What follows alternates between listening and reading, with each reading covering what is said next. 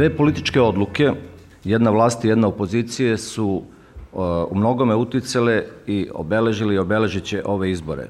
Prva je odluka opozicije ili dela opozicije da bojkotuje izbore i druga odluka koja je verovatno jednim delom izazvana i prvom odlukom, to je odluka vlasti da se izborni prag u izbornoj godini smanji sa 5% na 3%. Problem vlasti i opozicije u Srbiji što se legitimišu dvostruko prema onima dole građanima i prema onima gore takozvanim međunarodnim akterima.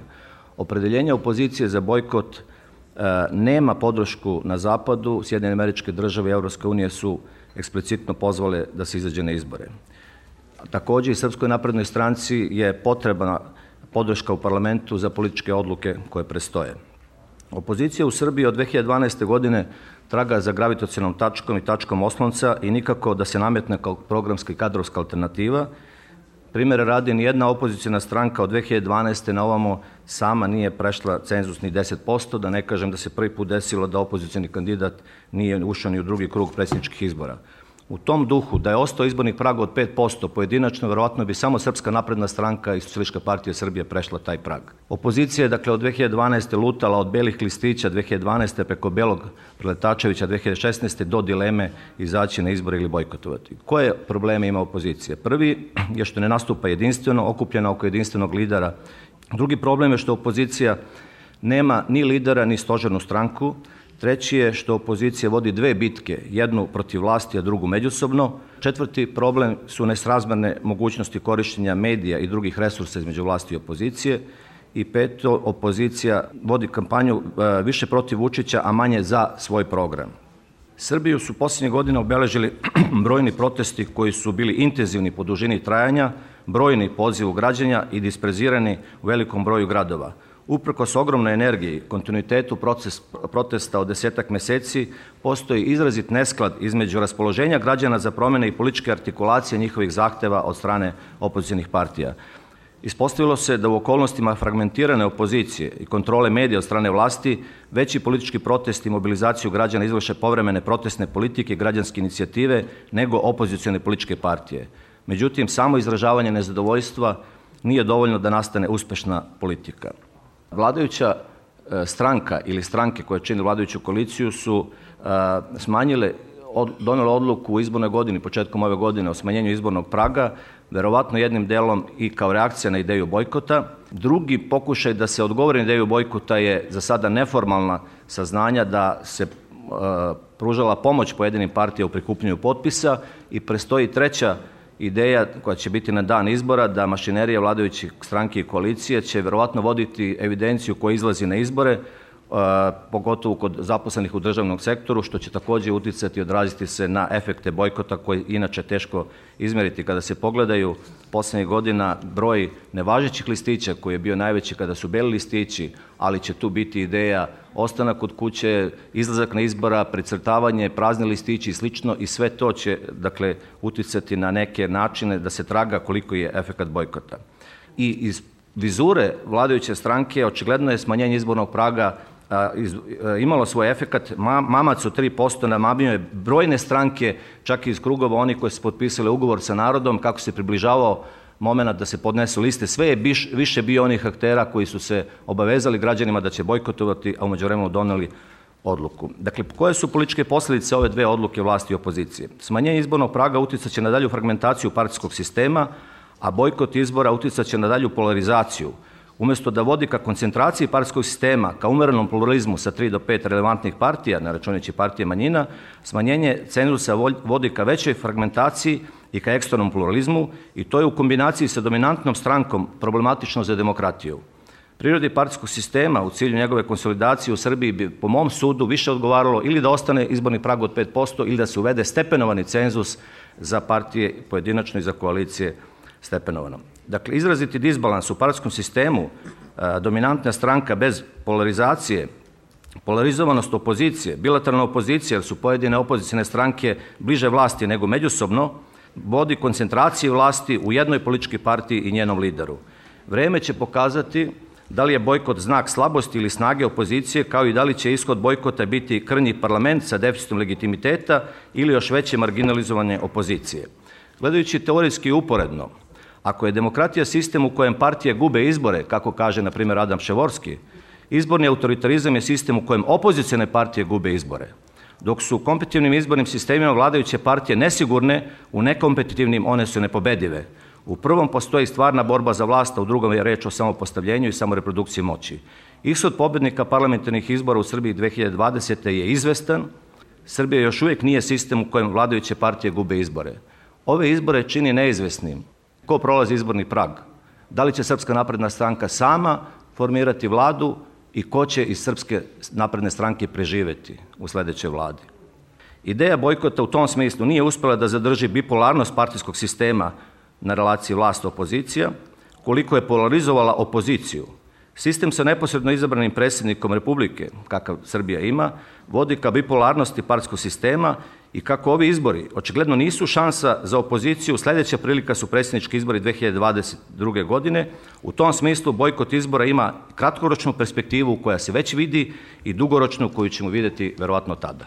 Svaka vlast bi želela da izbori budu jedini legitimacijski osnov njihove vladavine i to vrlo često vidimo. Recimo u Srbiji je jedan bivši premijer govorio da je legitimnost jednako 126. Znači 126 poslanika u parlamentu vam omogućuje da radite šta hoćete. I ovako koncipirani izvori nisu do kraja legitimni, ja bih rekao nisu uopšte legitimni.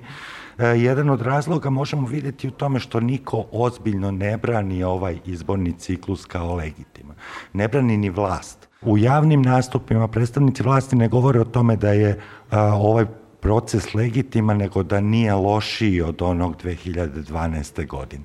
E, znači, ne daje nam ni jedan pozitivan razlog za to da je legitiman, nego samo ga poredi sa onim kada su oni pobedili na izborima i to je ono što je bila prelomna tačka od koje u stvari kreće merenje legitimiteta izbornog e, ciklusa po predstavnicima e, vlasti.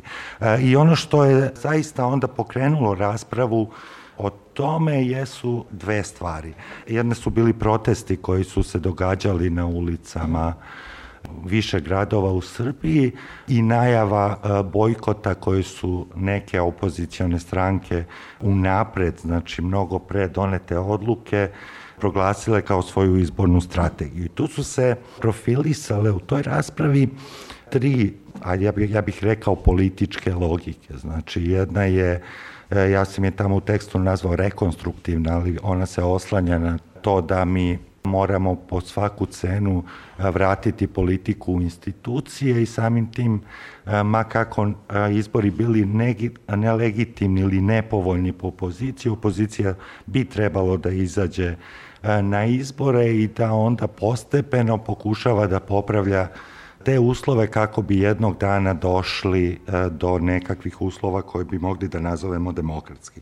Drugi koji je prihvatila ova bojkot opozicija ja bih rekao, to nazvao izborne, izborno revolucionarni pristup. Znači mi moramo e, bojkotovati ove izbore da bi na nekim sledećim koji su slobodni ostvarili ne samo pobedu, nego promenili sistem. Treća politička logika, ja sam je nazvao postdemokratska i mislim da imam puno pravo da to uradim, e, jeste ona koju e, su vlasti, režimi i oni koji su u stvari zastupali poziciju režima radili, a to je da su stvari lo, a, izbori jedino mesto a, gde vi možete steći legitimitet i sve drugo su opravdanja. Sve drugo su je priznanje vlastite vlastite nemoći. Ona je postdemokratska zato što i e, iz više razloga, ali glavni, znači u postdemokratskim teorijama jeste da ono što rade takvi režimi jeste u stvari da su uspeli da kooptiraju instituciju izbora i da onda na izborima više nemate neku vrstu neizvesnosti, nego su izbori tehnička stvar. Način na koji će se oni sprovesti je e, u tom pogledu manje bitan.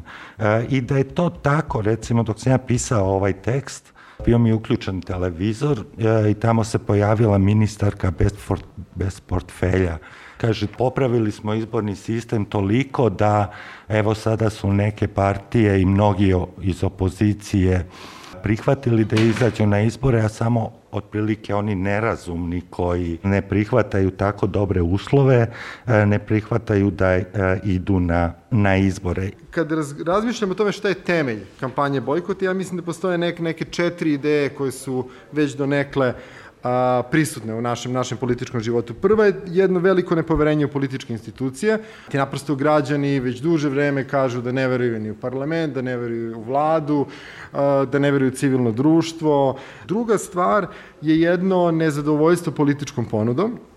Ono nije podjednako artikulisano na svim stranama političkog spektra i ako gledamo poslednjih 15 godina, ono je snažnije u jednom polju stranaka koje možemo da naj jasnije označimo strankama bivšeg DOS-a. Dakle, u tom nekom građanskom, modernističkom uh, polju češće čujemo te zahteve da, te artikulaciju da su svi političari isti, da je potpuno svejedno ko je na vlasti i da ništa od te ponude ne valja. Najbolji primer toga su i najisteknuti primer toga je kampanja za bele listiće koje smo imali pre nekoliko godina. Treća stvar jeste fragmentacija političke scene i pojava velikog broja novih stranaka kao i vrlo često korišćenje jednog populističkog narativa koje, koje oni imaju. Kad kažem populizam, mislim na jednu vrstu antielitizma, na argument pojednostavljeno da su svi, uh, političari su jedna otuđena elita, oni ne predstavljaju narod i zbog toga ih treba smeniti. To je recimo narativ koji je Srpska napredna stranka jako uspešno koristila 2012. godine, ali narativ koji smo u poslednjih nekoliko godina viđali i kod dveri i kod dosta je bilo i slično. Treća dimenzija je ono što izlazi iz um, građanskih protesta, odnosno ova tri talasa građanskih protesta, to je ta napetost između građanskog i političkog, odnosno građanskog ili stranačkog, koja takođe pokazuje da i kad imamo građane na ulici, organizovane ili poluorganizovane, koji su nezadovoljni, da oni nisu sigurni kakav im je odnos prema političkim akterima, s kim oni tačno pričaju. Dakle, mi njih vidimo kao opozicione proteste, oni su kontra vlasti, ali taj odnos između njih i stranaka opozicije jeste donekle u napetosti i to stalno izaziva neku, neku, ne, neku vrstu problema i mi smo danas u situaciji da, da vidimo da su se odnosu na bojkot različiti akteri podelili, podelili su se političke partije, podelio se i taj uh, gra, građanski protest i uh, ono što, što mene zanima, tako da li tu ima nekih pravilnosti ili je reč o uh, nekakvim skoro ad hoc odlukama. Meni je tu najzanimljiviji, ovaj, stalno to pominjem intervju koji je Sergij Trifunović dao Ninu, negde, ja mislim u fazi kad je PSG mislio da, da ne ide na izbore i on je rekao, parafraziram, zaspim sa odlukom da idemo na izbore, probudim se sa odlukom da bojkotujemo. Ili obratno, potpuno je, potpuno je sve. Dakle, to je, to hodanje po toj liniji je dosta neobično. Mi vidimo i da ne, neki, neki uticajni uh, analitičari, recimo Vesna Pešić, menjaju stavovi i slično. I može se zaista tvrditi da to reč o nekoj odluci koja možda, možda nema neko utemeljenje i da je reč o nekoj proceni koja je koja je situacijana. Meni se učinilo da, da postoje možda dve tendencije kojima, kojima vredi govoriti, koje su donekle ideološke. To je da stranke koje su bliže onome što smo nekad zvali proevropski blok, ali čini se malo a, liberalni i modernistički blok, da su one bliže izlasku a, na izbore ili stavljeno u drugu perspektivu da recimo, recimo Dveri, Nova stranka ili stranka Slobode i pravde ili evroskeptične ili antievropske ili imaju jednu vrstu distance prema Evropskoj uniji. Ova distanca je dvostruka, ona je ideološka i vrednostna, ali je na neki način i taktička. Deo stranaka koje su bliže izborima imaju i zapravo istorijske veze sa sa strankama Evropske unije, sa institucijama Evropske unije, sa ljudima na kraju krajeva koji ovde dolazi i predstavlja Evropsku uniju. Druga linija podele je možda distanca ili stepen institucionalizovanosti prema poredku. Kad kažem poredku, ne mislim samo na, ne mislim na režim, mada se može zapravo i tako interpretirati, odnosno deo bojkotne kampanje bi to tako interpretirao, ali više mislim na odnos ili bliskot stra, stranaka prema institucijama. Čini se da su one stranke koje imaju institucionalno a, iskustvo, koje su oslonjene na državne financije i koje znaju prednost državnih financija a, nešto bliže a, izlasku na izbore. u oba ova slučaja pitanje demokratske stranke i pozicija demokratske stranke je jako zanimljiva, jer je pitanje kako nju gledamo. Da li je vidimo kroz ono što govori gospodin Lutovac kao predsednik, kao ovlašćenje, da kažem, reprezent stranke, ili vidimo kroz neku artikulaciju nezadovoljstva koje, koje, stoji, koje postoji unutar stranke. Da završim, pitanje značaj političkih posledica bojkota ono se može banalizovati na pitanje da li ćemo 21. uveče znati ko je pobednik e, bojkota ili, ili ne. Meni se čini da ne i da će obe strane, kad sam samo fokusiran na poziciju, imati dovoljno razloga da, da proglase nekakve traljave, e, traljave pobede, ali je pitanje kako će se samo pitanje bojkota i odnosa prema institucijama, odnosno odnosa prema budućim pregovorima, se prelamati u daljim taktikama opozicije i da li će one uspeti da nađu način kako da sadašnju liniju podele prevaziđu i da nađu neki novi zajednički sadržalac ili će to ostati kao, kao tema koja će zapravo na još jedan način deliti, deliti opoziciju, kao što je, na primer, uh, taj populistički narativ uh, odvajao dveri i dosta je bilo od ostalih parlamentarnih stranaka nakon, nakon poslednjih izbora. Glavni uspeh bojkota, najavljenog bojkota, naročito početkom prošle godine, se svodila na činjenicu da smo imali nekakav dijalog. Ali tu suštinskog interesa da se nešto pomeri na bolje nije bio. I jer, siguran sam da jedan od, jedan od suštinskih razloga upravo leži u tome što je ključni izvor nedemokratije u našem društvu, društvu jesu upravo političke partije gde je Maltene jedina partija koja je imala nekakav izborni proces u okviru svojih redova, sada gledamo kako se u stvari završava ta faza u životu te političke partije koja je u opoziciji. Ali ta politička partija možda, možda može da ima ključnu ulogu u ovom izbornom procesu, ako je e, ostala dosledna svojoj političkoj odluci da bojkotuju izbore. Govorim na demokratskoj stranci, zato što oni imaju pravo na 8% članova biračkih odbora na biračkim mestima. Jedna od naših ključnih zamerki sa strane organizacije civilnog društva jeste bila u tome zato što političke partije nisu pokazivale uopšte interes za poštovanje procedure i procesa e, e, na izbornim mestima, ako govorim samo o izbornom danu. Političkim partijama je prevashodni cilj da ostvare što bolji izborni rezultat. Čak i ako su dokumentovali nepravilnosti, one te nepravilnosti neće prijaviti zato što će to ugroziti njihov rezultat. I kao epilog toga imamo iz godine u godinu, iz izbornog ciklusa, izborni ciklus, sve lošije i lošije e, performanse kako biračkih odbora, tako i lošije rezultate. I to se ona kasnije reflektuje na institucije, doći će malo kasnije i do REMA, jer je ona ne, neki način paradigma svega što se događa u našem društvu. Demokratska stranka će imati mogućnost da ima nekih hiljadu, ako se ne varam, grubo rečeno, predsednika i zamenika predsednika biračkih odbora i po prvi put će političke stranke koje ne učestvuju u izborima imati, imati mogućnost da, da insistira na poštovanju zakona na biračkom mestu. Naročito u ovom izbornom ciklusu gde imamo najavu da će veliki broj birača glasati van biračkog mesta. One stvari koje su suštinski bile važne za kakvo takvo unapređenje bazičnih stvari u, u, u izbornom procesu su apsolutno ignorisane. Jedna od tih stvari jesu uh, uh, čitav niz preporuka koje se tiču medije. REM je, kršeći zakon, usvojio preporuke za komercijalne medije i time pustio slanca, ako mogu do sebe da dozvolim tako da kažem, e, komercijalne medije da rade danas šta god u suštini žele. Prvo, postoji izraziti nesklad između vrednostne orijentacije građanskih protesta i političkih partija koje su se nametnule kao političko krilo, koje su izrazito nacionalne u odnosu na protest. Taj hardcore stranaka koje su dosledne ideji bojkota je više nacionalno, iako nisu eksplicitno, mislim da u pozadini stoji ideja izbegavanja da se bude u parlamentu u slučaju ratifikacije eventualnog obavezujućeg sporozuma Beograda i Prištine. Sa druge strane, upravo ta ista motivacija stoji kod vladajućih stranaka zašto žele da što više partija bude u parlament i to je e, uzrokovalo smanjenje izbornog praga sa 5 na 3%. Zato što vladajuća stranka i koalicija koje će činiti buduću vladu nemaju problem većine, ni glasova, ni mandata. I neće im trebati samo formalna, nego suštinska podrška za političke odluke koje prestoje, između ostalog promene Ustava, sa ili bez teme Kosova, koja će u nekom narednom periodu prestojati, jer da se podsjetimo, iako zanemarimo pitanje Kosova, sve nove članice Evropske unije su u predvečerje e, pristupanja u članstvu morale u nekom segmentu da menjaju ustav i Srbija i bez Kosova ima nekoliko pitanja koja su delikatnosti posebno.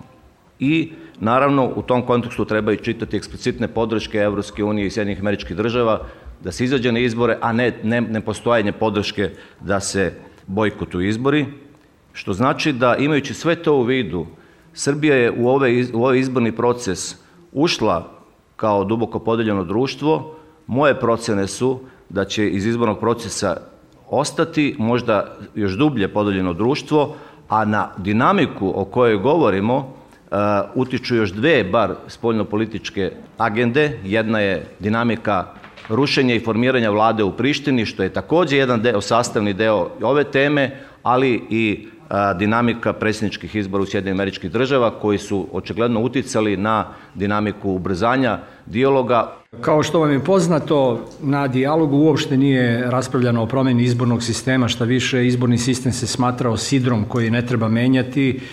Međutim, neposredno pred izbore dobili smo promenu visine izbornog praga. Izborni prag je sa 5 snižen na 3%, to je snižavanje za oko 40 procenata. Predlagač Aleksandar Vučić, predsjednik Srpske napredne stranke, rekao je da želi da podigne reprezentativnost parlamenta, da e, vrati život u parlament, debatu i raspravu e, sa ulice i da je to element koji nije uperen protiv opozicije, naprotiv da samo opoziciji može da koristi, a da šteti vladajućoj stranci.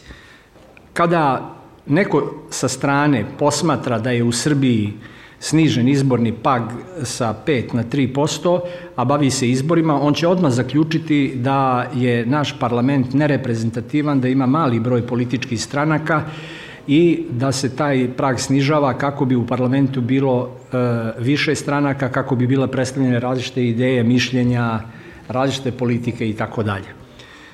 Taj argument kod nas ne stoji. Mi trenutno u parlamentu imamo 32 partije. Po teorijskim merilima naš parlament spada u hiperreprezentativna predstavnička tela. Visina izbornog praga na 5% utvrđena je 92. godine u sadejstvu sa veličinom izborne jedinice, a tad ih je bilo 9, 97. 29, taj izborni prag je mnogo viši.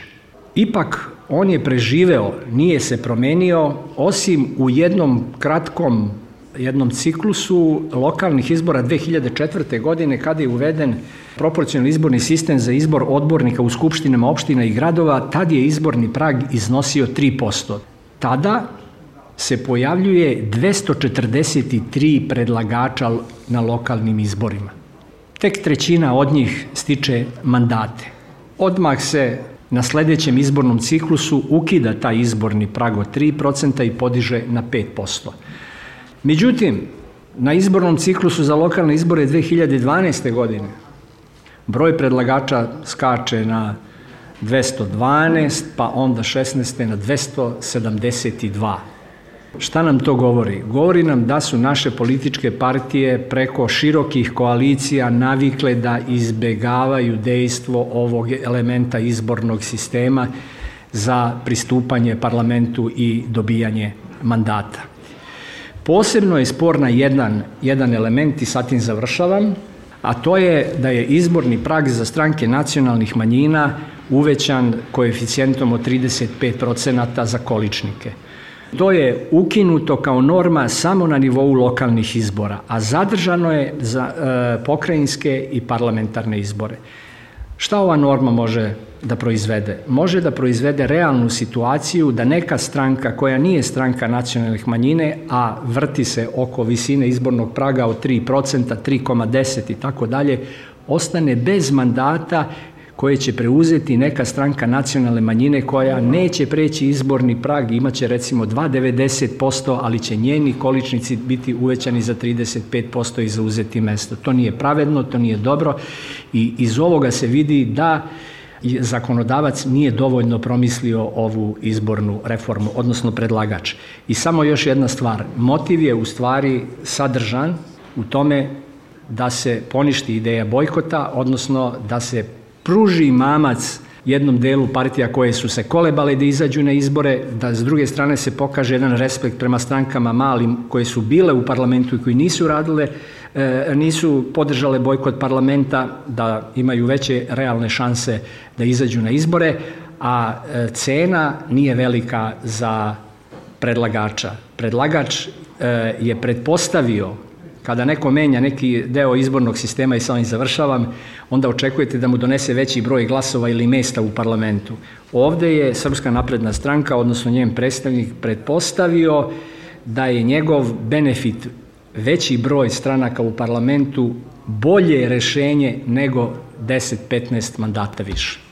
Ako pogledamo sve kampanje od 2012. godine, ako se ne varam, u svim kampanjama više od 50% prihoda su budžetski, budžetski prihodi. Ako na to dodamo negde u proseku oko 20, od petine do četvrtine sredstava koja dolaze iz kredita, uglavnom za stranke vladajuće koalicije, e, mi zapravo govorimo ovo što je rekao profesor, skoro četiri petine prihoda koji dolaze e, od strane e, države, znajući da su stranke kreditirane od 2012. godine isključivo iz banaka sa domaćim vlasništvom, dakle komercijalna banka, agrobanka i AIG banka u poslednjih dva izborna ciklusa. Dakle, bilo bi dobro iskoristiti zapravo tu ključnu prednost i možda balansirati zakonodavstvo u pravcu da se privatni izvori finansiranja promovišu na način da mogu da postanu i ole ravnopravni budžetskom finansiranju, kako se na kraju ne bi svelo na to da samo isključivo građani finansiraju kampanje. I treća stvar je povezana sa tezom profesora Lilić, on je govorio o tri strukturalna defekta. Ja bih pomenuo jedan politički, to je dakle status i pozicija predsednika Republike u, u našem političkom sistemu. Ovakvo stanje zapravo sugeriše da mi nećemo moći da svedočimo nečemu što ja zovem podelom političke moći. Ne možda podele vlasti, nego podele političke moći. Jer ako pođemo od tačnog prvog strukturalnog defekta o kome je govorio profesor Lilić, a to je da imamo stranačke, stranačke uh, liste. Ako pođemo od premise da predsednik Republike može da bude i predsednik političke stranke. Mi zapravo se nalazimo sve vreme u situaciju u kojoj ne može da dođe do suštinske podele političke moći. E, izvršna vlast je podržana od strane većine u Skupštini koja ima ovaj strukturalni defekt, a predsednik Republike je predsednik stranke koja daje tu većinu.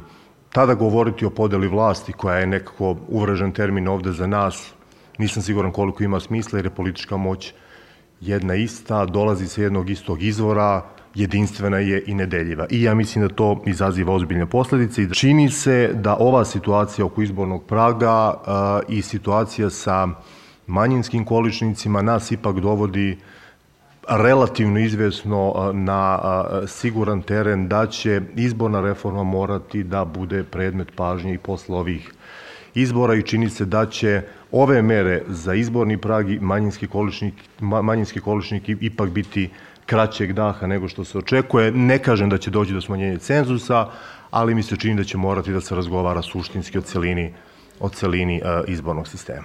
Ako gledamo strukturu izbora finansiranja kampanje iz 2016. godine, uh, u stvari je situacija prividno bolja, a u stvarnosti još gore. Naime, javni izvori su navedeni bili u izveštajima učesnika u kampanji za izbore 2016. godine parlamentarne su bili izričito navedeni kao 37 kao nešto što pokriva 37% ukupnih troškova izborne kampanje. Međutim, sledeći izvor su po učestalosti takozvana sobstvena sredstva, 25%, koji u stvari čini novac koji su parlamentarne političke stranke, pre svega SNS, prenele sa svog računa za finansiranje redovnog rada, a taj novac su opet dobili iz budžeta. Tako da možemo slobodno pridružiti tih 25%. Onda imamo kredit, krediti i zajmovi su pokrili 19% troškova, a tu učestvuju i ne samo vladajuće stranke, već i neke opozicione, ali s razlogom se može očekivati da će te kredite vraćati pre svega oni koji su dobili priliku da uđu u parlament, da će ih vraćati opet od sredstava koje dobijaju iz budžeta za finansiranje svog redovnog rada. Isto to važi za nepokrivene rashode koji su 2016. činili 16%, 2012. ili 14. ja mislim da je bilo i više, 25%. I na kraju dolazimo do toga da ima oko 3% samo 3% rashoda izborne kampanje 2016. je prijavljeno da je pokriveno iz privatnih izvora. Međutim, ako pogledamo te privatne izvore, tu dominantno e, su prisutne istovetni prilozi po iznosu, pre svega opet e, kad je reč o, o SNS-u, a među davaocima priloga se nalazi i visok, veliki broj ljudi koji se nalaze na nekim funkcijama i osnovano je pretpostaviti da su oni takođe darivali novac koji su koji jeste njihov privatni, ali opet dobijen po iz državne kase. Tako da praktično privatni izvori u Srbiji e, čine zanemarljiv izvor prijavljenog finansiranja. Dakle, oni možda učestvuju u većoj meri u nekim neprijavljenim izvorima prihoda za koji se koriste za izbornu kampanju, bilo da je reč o dobrovoljnim ili o iznuđenim prilozima koji dolaze od pre svega pravnih lica, ali to opet nije dokazano, pa ne mogu iznositi nekakve primere. Nemamo sudsko gonjenje, imamo samo brojne sumnje da su ljudi morali da učine neke usluge, a da ih nisu kasnije e, naplatili. I imamo slučajeve gde mediji su na nekim, ne toliko u poslednjih nekoliko izbornih ciklusa, već znatno više u onim ranijim iz 2008. 2007. godine i tako dalje, gde su mediji imali veoma značajna potraživanja prema učesnicima na izborima, koja nikada nisu mogli da naplate. Funkcionarska kampanja povezana sa jednim predproblemom koji nije toliko, koji nije nužno vezan samo za izbore, već je vezan za pitanje šta to čini posao ljudi koji su na vlasti. Šta to čini posao jednog ministra, recimo, jednog predsednika vlade, jednog predsednika države. Znači, e, mi imamo ogroman deo aktivnosti koje oni u praksi vrše, a koje ne predstavljaju njihovu zakonsku obavezu. Mi danas dolazimo u situaciju i dolazili smo u ranijim izbornim procesima da predstavnici, da javni funkcioneri kažu ja radim svoj posao. Pa onda imamo situaciju absurdnu, na primer, evo, gospodin Vučić je bio premijer, pa je posle postao predsednik. Pa je on radio neke stvari kao premijer, govoreći da radi svoj posao, pa zatim radite iste stvari kao predsednik države, opet govoreći da radi svoj posao. A onda na sve to dolazimo e, do situacije gde u izbornoj kampanji postoji očigledno potreba i to je prepoznato i u zakonima i u Makedoniji i Crne Gore, evo Zlatko će nam reći kako se to ne primenjuje tamo, ili primenjuje, prepoznata je potreba da se ograniče aktivnosti državnih organa i javnih funkcionera koje se dešavaju upravo u tom, upravo u tom predizbornom periodu. Kod nas su ograničenja veoma mala i odnose se samo na, na neke nadležnosti vlade. Sve druge aktivnosti praktično su ostale neregulisane. Funkcionerska kampanja, moram da se osvrnem to. Ja mislim da mi treba polako da prihvatamo neka komparativna iskustva u vezi funkcionerske kampanje, a da ta funkcionerska kampanja bude povezana sa medijima Znači, ako su e, funkcionerske kampanje proizvođenje pseudo događaja koje pokrivaju prostor, onda će mediji preskakati to imati jednim dobrim... E, ako mediji kritikuju takvu kampanju, zašto je prenose? Recite mi, zašto je prenose? I završit ću samo sa izbornim pragom, to što je bila moja tema. Zašto je baš gađana visina izbornog praga od 3%? Kada pogledate izborni sistem od 2000. sa jednom izbornom jedinicom, između 3 i 5 procenata našlo je se samo u četiri izborna ciklusa Dveri, Srpska radikalna stranka, Lista za toleranciju i DSS. E, hoću reći da je ovo ciljano zato što to teško da može da šteti e, predlagaču i e, nemojmo zaboraviti ako pređe veći broj aktera izborni prag, pa budimo realni, to će biti male partije koje neće dovoditi u poziciju, dominantnu poziciju vladajuće stranke, a on će imati na tacni veći broj koalicijonih partnera da bira, a to će snižavati i koalicijoni potencijal i ucenjivački potencijal tih, tih stranaka. Prikupljanje potpisa je skinuto sa opština i sudova jer su, rekao je već profesor, nekvalitetno radili taj posao, ali još važnije zapravo, Rešavanje tog problema je bilo adresiranje direktne OEPS-ove prioritetne preporuke posle izbora 2016. godine, jer je na tim izborima, treba da podsjetimo, izborna administracija utvrdila da je sedam izbornih lista falsifikovalo 16.000 potpisa, koristeći vrlo jednostavnu e, i naivnu taktiku e, laserskog štampača, ali isto tako vrlo jasno da e, taj proces nije doživeo svoj epilog. Dakle, problem sa prikupljanjem potpisa je sada verovatno rešen zbog uvođenja epidemije, odnosno zbog takve epidemiološke situacije, da, ali e, može da bude uvod u e, druge vrste problema za sledeće izbore zato što je potpis kod notara e, garantovan njegovom e, imovinom i dat pod krivičnom odgovornošću. Dakle, ova reforma koja se dogodila pre nekih dva meseca, u stvari spada u jedan tip reformi koji je karakterističan za nedemokratske režime. Zbog toga što vlast pristaje na određene ustupke kako bi u stvari zadržala kontrolu, ali otvorila prostor za opoziciju i na taj način ojačala poljuljeni legitimitet i unutra i ka spolja. I dosta je država u upornoj praksi koji su recimo imali većinski sistem, onda uvodili jedan segment manji proporcionalno kako bi uvukli opoziciju u igru i time se opravdali pred međunarodnom javnošću i ovo snižavanje praga otprilike liči na to, ali neću ulaziti detaljno u tu priču, već je profesor Jovanović govorio o tome. Druga reforma se ticala, koja se odnosi na manjine, je takođe spominjana, ali ja hoću ubacim još malo dodatnog svetla na, na sve što se dešavalo, što bi trebalo vam ukaže koliko je u stvari ta promena bila nepromišljena. Rekli ste već, dakle, koeficijenti se uvećavaju za 35 e, procenata i ja moram da priznam kad sam video odmah istog dana tu promenu, bila mi je interesantna situacija recimo u Subotici gde je postojala mogućnost da Savez vojvođanskih Mađara sa 33% glasova pobedi Srpsku naprednu stranku koja bi osvojila 44 zato što bi se koeficijenti um, uvećavali. I ostao sam prilično nem, osim što sam profesoru Jovanoviću to spomenuo, a onda je a, da ne bude sad da, da nema drugog sagovornika, kolega Kandić, naš doktorant, nekih sedam ili deset dana nakon to, te promene mene pozvao sa tim pitanjem da li je to tako na lokalnom nivou, zato što su oni ili on zaključili da će u stvari u ovim opštinama sa bošnjačkom većinom socijaldemokratska partija Srbije Rasima Ljajića biti u neravnopravnom položaju sa ove druge dve bošnjačke partije. Nakon praktično te reakcije usvojena autentično tumačenje zakona kojim u stvari ova odredba u određenoj meri suspendovana samo na lokalnom nivou. Šta to u stvari znači? Sad imamo dva absurda.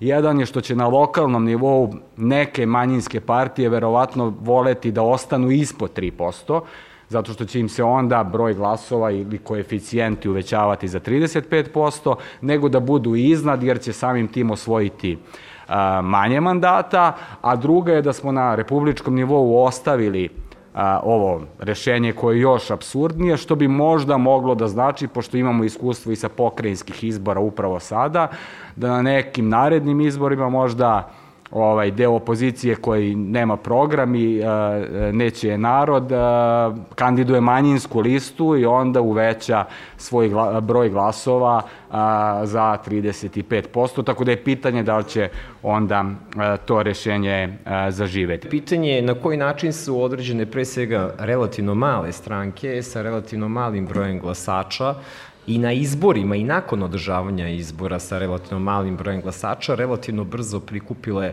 značajan broj potpisa koji su neophodni za proglašenje izborne liste. I stalno vidite tih istih deset ljudi ili sedam ljudi koje ja nazivam kombi strankama, svi znate šta je kombi stranka i kako su, zbog, kako su taj naziv dobile ranih, na primjer, 2000. godina. I zaista mi nikad nije, kako kažem, nije, mi da, nije da mi bili, nije bilo jasno, ali zar zaista ne postoji nešto što se zove osnovi sumnje? Da praktično ne razumem kako ti ljudi skupe toliki broj potpisa za relativno kratko vreme, nakon čega te izborne liste budu i proglašene.